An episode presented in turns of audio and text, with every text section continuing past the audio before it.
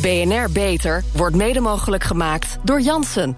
Waar we werken aan een toekomst waarin ziektes tot het verleden behoren.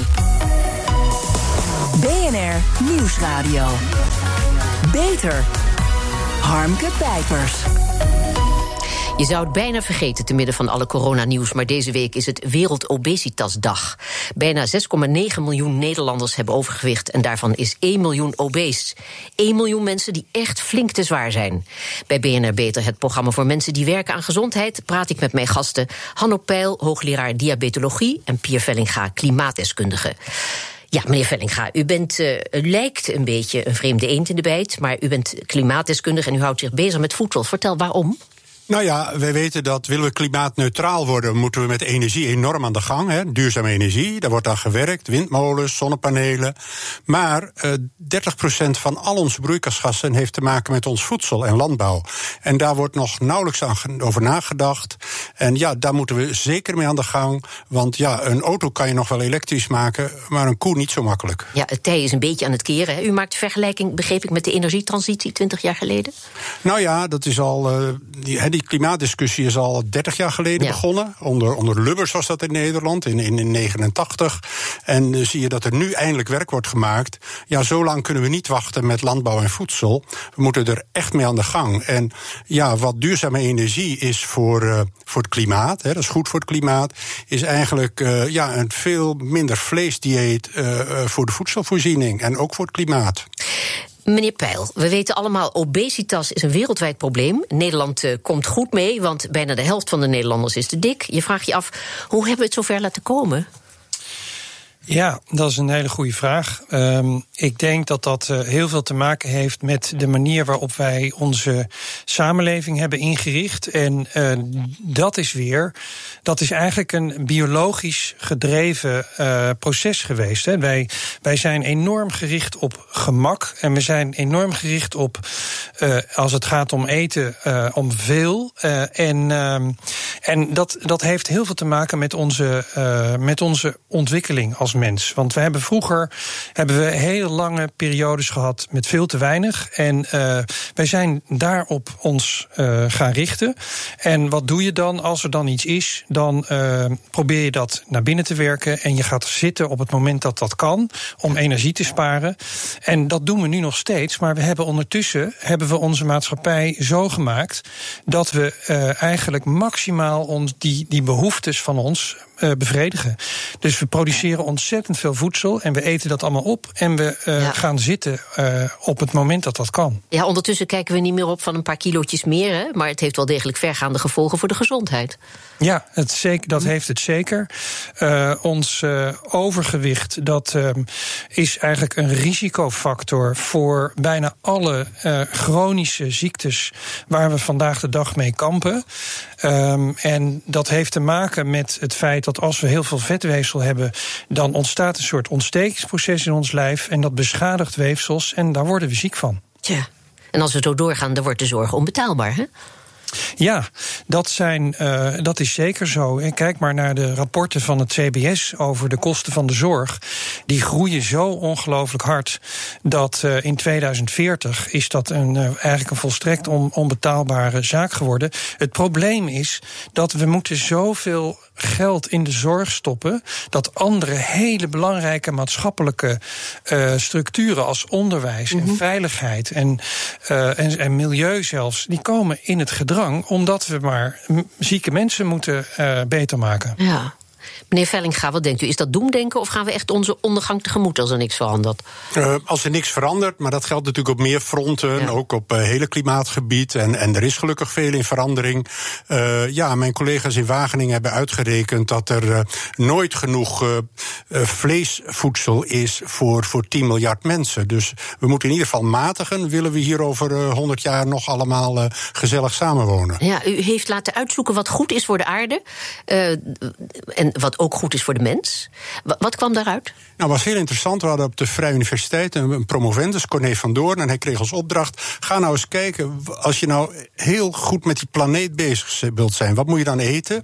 En ga ook eens kijken als je nou veel gezonder wil leven, wat moet je dan eten? En het bijzondere was, daar kwam hetzelfde uit. Dat je in ieder geval meer groente en fruit moet eten en noten. En gewoon veel minder dierlijke eiwitten. Dus kaas, boter uh, en, en vooral ook uh, vlees, minder vlees. Dat we in het huidige dieet zeg maar, van die groenten veel te weinig eten en van die dierlijke eiwitten veel te veel. Maar dat is dus heel goed nieuws. Twee dikke vliegen in één klap. Absoluut. Ja. Alleen nou die klap nog, hè? Nou ja, die is natuurlijk wel al aan het komen. Er ligt ook een rapport van de Wereldbank en de Wereldgezondheidsorganisatie dat we hiermee aan de gang moeten. Ja, meneer Peil, echte mannen eten vlees, dat was vroeger het motto. Voor spieropbouw heb je eiwit nodig. Was dat een misverstand? Hoe zit dat echt? Nee, dat is zeker zo. Dat je voor spieropbouw uh, eiwit, eiwit nodig hebt. Mm -hmm. vooral dierlijk eiwit dan? Uh, dierlijk eiwit heeft het, uh, het voordeel boven plantaardig dat, je, dat het over het algemeen beter wat we noemen biologisch beschikbaar is. Dus het, het, zijn, het, het zijn net iets makkelijker verteerbare eiwitten, mhm. zullen we maar zeggen. Maar dat neemt niet weg dat wij uh, in ons huidige uh, voedselpatroon veel meer vlees eten dan we nodig hebben. En uh, ik denk wel dat mensen gemaakt zijn om vlees te eten. maar, ehm, maar, maar we eten gewoon echt enorme hoeveelheden. En daar zijn we, dat is helemaal niet de bedoeling. En wat is dan een goede dagelijkse portie? Of moet ik daar zelfs helemaal niet van spreken? Nou, Waar hebben we het over? Ja, ik, dat is heel lastig om dat, om dat heel exact te zeggen. Maar ik denk uh, dat uh, bij wijze van spreken twee ons vlees per week voor mensen eigenlijk meer dan voldoende is. Ja, Meneer Vellinga. Nou, gek genoeg voor klimaat komt dat er ook uit. Mijn collega's in Wageningen hebben dat uitgerekend. Uh, willen we met z'n allen binnen die klimaatgrenzen blijven, dan kom je ook voor uh, 8, 9 miljard mensen op uh, eh, 200 tot 300 gram vlees per week. Dus inderdaad ongeveer één dag in de week vlees en de rest vis of meer vegetarisch. Ja, en, en bent u dat ook gaan doen? Heeft u uw menu aangepast of was dat al niet meer nodig? Nee, ik, eh, was bij mij wel nodig. Ik ben de laatste tien jaar behoorlijk aan omschakelen. En ik eet nu ongeveer, uh, op, ik zit nu op die 200, 300 gram per, per week. En dat bevalt eigenlijk heel goed. Voel me ook gezond. Maar nog eventjes, hè. al die vleesproductie, de grootschalige bio-industrie... dat doet wat met onze planeet, dat is duidelijk. Kunt u kort uitleggen hoe die worst op mijn bord... ik heb nooit worst op mijn bord, maar goed... hoe die het klimaat beïnvloedt? Nou ja, dat gaat uh, vooral via, via uh, de koeien bijvoorbeeld. Hè, die, uh, die herkauwen, daar komt methaangas bij vrij. En ook de uitwerpselen, zowel van varkens als koeien, komt ammoniak en, en NH4 ook bij vrij. En daar komen ook broeikasgassen bij vrij.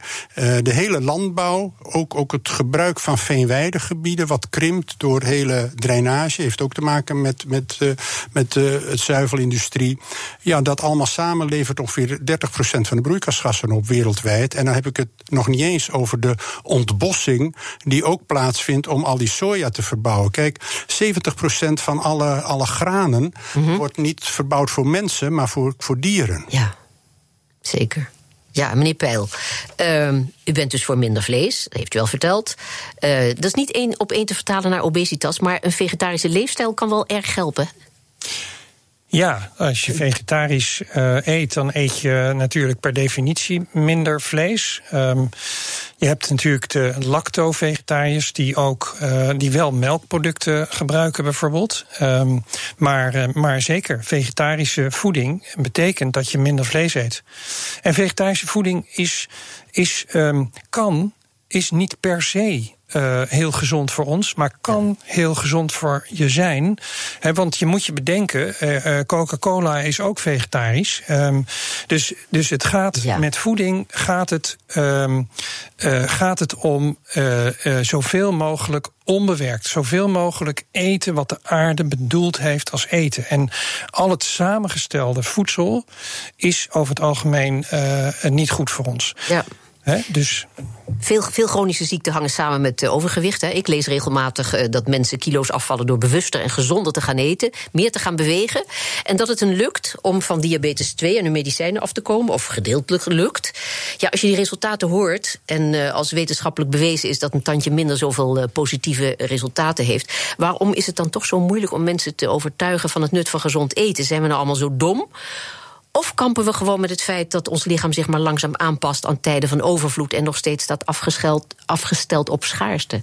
Ja, het is zeker niet zo dat, um, uh, dat mensen dom zijn. Het is ook zeker niet zo eigenlijk uh, dat het heel moeilijk is om mensen ervan te overtuigen mm -hmm. dat uh, minder dat dat goed voor ze is. Het grote probleem is de context, is, de, ja. is, is onze omgeving die ons voortdurend verleidt tot het maken van de verkeerde keuzes. En ik denk dus dus dat als we het probleem van de chronische uh, ziekte, die echt massaal uh, aanwezig zijn in de maatschappij van vandaag. Als we dat probleem werkelijk willen aanpakken, dan moeten we iets doen met onze samenleving. Ja. He, daar moeten we met z'n allen dus politieke uh, besluiten over nemen. En uh, anders gaan we de strijd niet winnen. Nee, want het is dus onder de huidige omstandigheden, zou ik maar zeggen, de huidige leefomgeving behoorlijk moeilijk uh, om, om af te vallen. En het is zelfs, kun je zeggen, uh, een tegennatuurlijk. Ja, ja. ja. Ook toch eens. wel, ja. Eens, ja, eens. Want okay. hè, wij zijn biologisch gedreven om, om het eten dat voor onze neus staat, om dat op te eten. Ja. He? Voor slechte tijden. Ja. Voor slechte tijden. Ja. Nou, u bent een groot voorstander, heb ik begrepen, ook van leefstijlinterventie. Hè? Het lukt mensen niet om het zelfstandig langdurig vol te houden, om gezond te leven. Ja, is de conclusie dat uh, begeleiding alleen niet voldoende is en dat er op een of andere manier moet worden ingegrepen?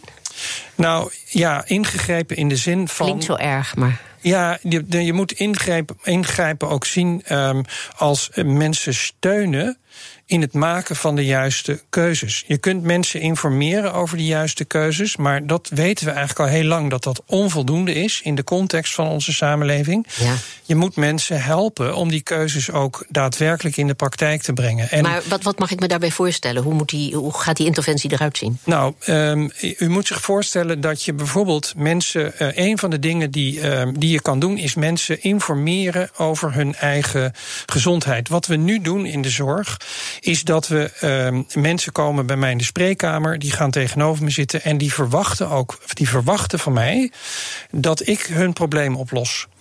En dat is voor die leefstijlgebonden aandoeningen van vandaag de dag is dat een illusie. Dat ga ik niet redden. Dus mensen moeten zelf betrokken zijn bij uh, de behandeling van hun eigen lijf. En daarvoor moeten ze goed geïnformeerd zijn over wat er in hun lijf omgaat. Dus mensen ja. moeten weten hoe hun bloedsuiker is en hoe hun bloedglucose is en hoe hun hartslag is. En uh, met, met die informatie uh, gaan we in de toekomst, denk ik, een voor mensen persoonlijk advies formuleren waarmee ze aan de slag moeten. En dan met hulp van een coach van, en van, van, van, uh, van, van de online middelen om ze, uh, hè, om ze te helpen om die goede dingen te doen. Ja, meneer Vellinga, we, we moeten ons meer bemoeien met de mens, met de medemens. Uh, betuttelen, hè, u, over dat woord gesproken. U heeft uh, samen met andere prominente Nederlanders onlangs een uh, oproep gedaan om vleesbelasting in te voeren. Het vlees moet duurder worden, zodat mensen minder vlees kunnen kopen.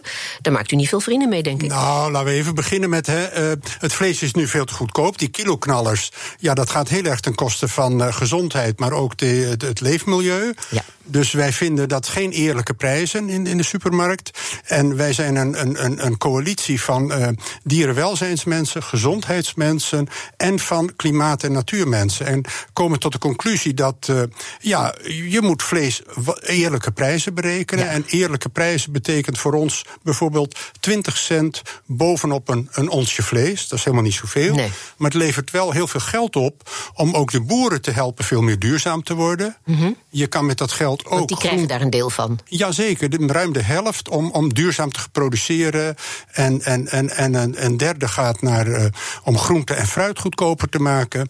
En, en de, het overige gaat om arme mensen te helpen die, uh, die koopkrachtverlies hebben door deze uh, eerlijke prijzen.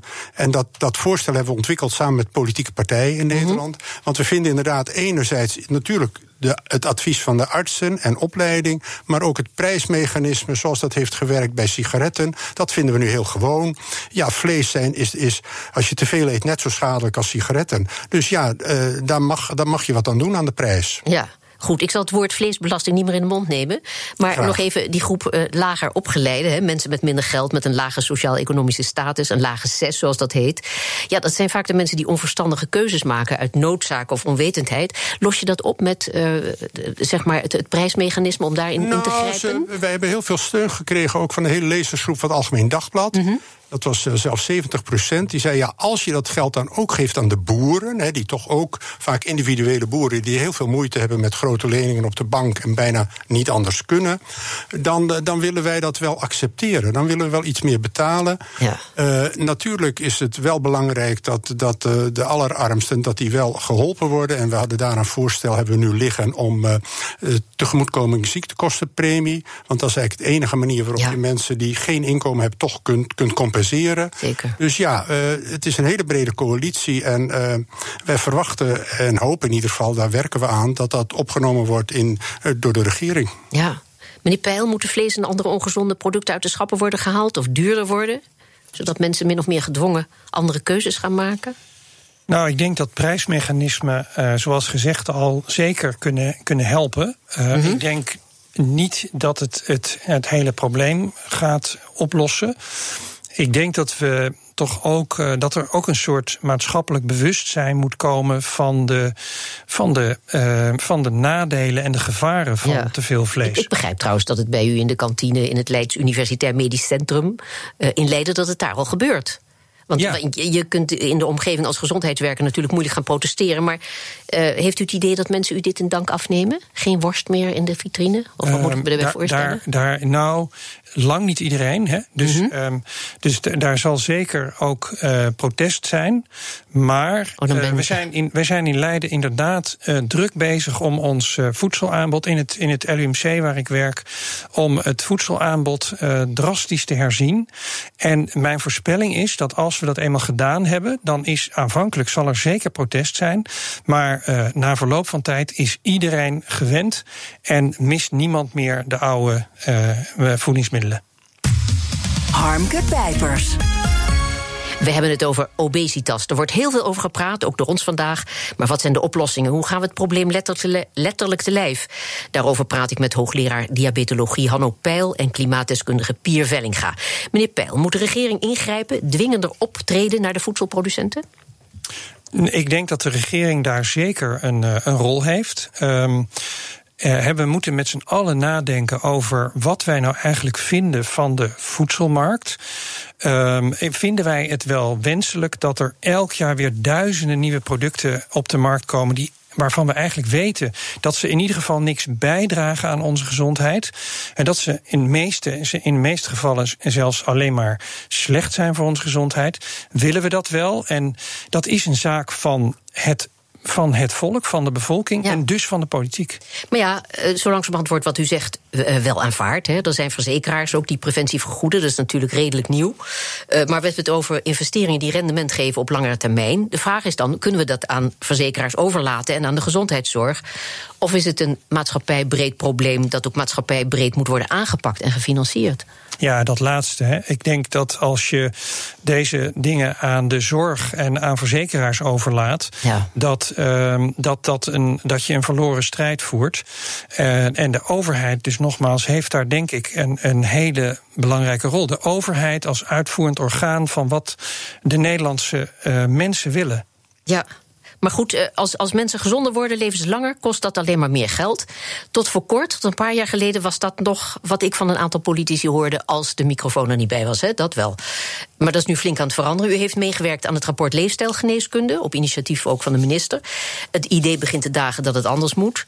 Uh, en ondertussen meer dan 70 organisaties die sloten het Nationaal Preventieakkoord om roken, alcohol, overgewicht aan te pakken. Met zorgorganisaties, gemeenten, bedrijven en onderwijsinstellingen werden afspraken gemaakt over onder meer voeding en beweging. Ja, is zoiets effectief? Hoe krijg je de voedselproducenten zover dat ze eten minder zoet, zout en vet en noem het hele rijtje maar uh, gezonder maken? Nou, enerzijds denk ik door het, uh, het besef, ik zou bijna zeggen het morele besef van, uh, van voedselproducenten aan te spreken. Mm -hmm. En anderzijds toch ook door regelgeving. Je kan, uh, je moet regelgeving toepassen omdat um, producenten heel terughoudend zijn met het op zichzelf, los van andere producenten, veranderen van hun producten. Omdat die, die, we doen, ze doen niet voor niks suiker en zout in hun uh, voedingsmiddelen, want mensen vinden dat lekker. Ja. En mensen, uh, op het moment dat je het eruit haalt, moeten mensen wennen en dan gaan ze minder producten kopen. Dus dat, dat, moet, dat kan eigenlijk alleen maar via regelgeving, denk ik. En, uh, en ik vind minstens zo belangrijk uh, het aanspreken op de morele verantwoordelijkheid van voedselproducenten. Ja. Maar ja, de lijfarts van president Trump die verklapte deze week dat hij stiekem bloemkool liet fijnstampen in Trumps aardappelpuree.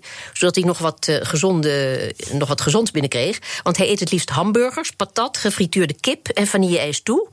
Dus zelfs de president eet geen groente. Is dit nou slecht nieuws, heren? Of in dit speciale ja, geval? Dat is, dat is Trump natuurlijk. Is dat wel goed nieuws? Kijk nou eens naar de studenten wat die doen. Een hoop houden misschien niet van Trump, maar ze eten ook een heel ander dieet. Ja. Je ziet toch onder studenten van, van alle, alle hogescholen en, en, en gewone MBO dat ze uh, bezig zijn met meer vegetarisch te worden. Mm -hmm. En sommigen doen het voor gezondheid, anderen voor het klimaat, anderen uit een soort logica. En je ziet ook toch al dat de industrie erop inspeelt. He, die Beyond Meat, uh, de Unilever, uh, voor Unilever is de snelst groeiende tak om vleesvervangers te maken.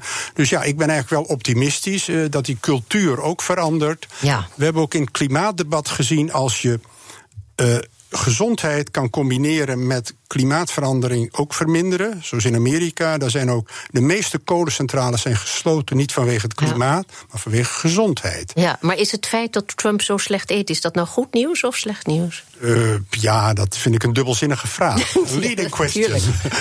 Meneer Peil, vooruit.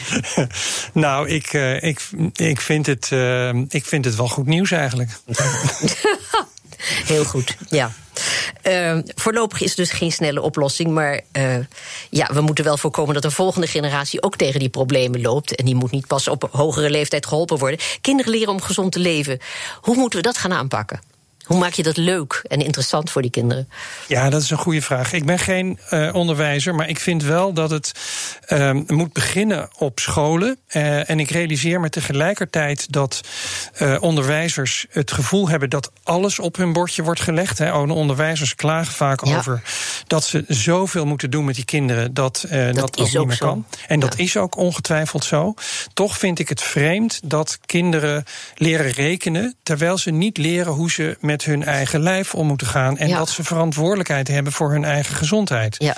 En ik vind dus Nou ja, dat ze we moeten het in de eerste plaats leuk en interessant gaan vinden. Hè? Ja, ze moet, ja, zeker. En dus dat toch maar geldt- moestuintjes?